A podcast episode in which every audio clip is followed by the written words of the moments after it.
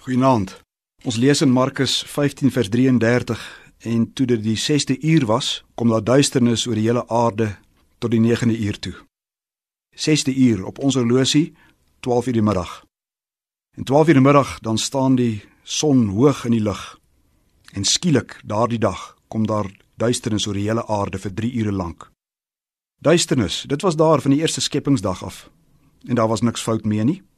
Tydens die eerste skepingsdag was daar duisternis op die wêreldvloed. Dit was goed. Toe het God die lig gemaak sonder om die duisternis heeltemal weg te vat. God het die lig dag genoem, die duisternis nag. Die duisternis van die nag was bedoel om mense en diere te laat rus. Maar vanaf die duiwel en die mens in sonde geval het, kry duisternis ook 'n ander betekenis. Dan word daar gepraat van ons Here Jesus Christus wat lewe is. Hy is die lig wat in die duisternis skyn. En dan word daar ook na die hel verwys as buitenste duisternis. Van die buitenste duisternis is daar sprake op Goeie Vrydag. Christus word vir 3 ure in duisternis in die hel gewerp.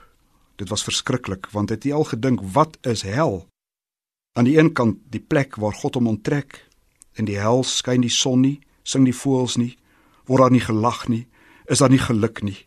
In die hel is die tweede dood, die dood wat ons almal verdien, die plek van ewige Godverlatenheid. Dit sê nie dat die Here nie beheer daaroor het nie. Die Here het beheer oor alles, ook oor die hel. Dit beteken wel dat die Here in sy toorn alles oorgee aan die mag van die duisternis. Die hel, plek van ewige godverlatenheid en algehele oorgawe aan die bose magte van Satan. Elke mens verdien hel. Het God dit nie van die begin af gesê nie?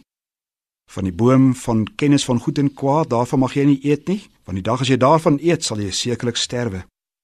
Ons verdien dit om ewig in die hel te sterwe maar ons kry nie wat ons verdien nie en dis die evangelie van Golgotha. Christus ons borg tree in.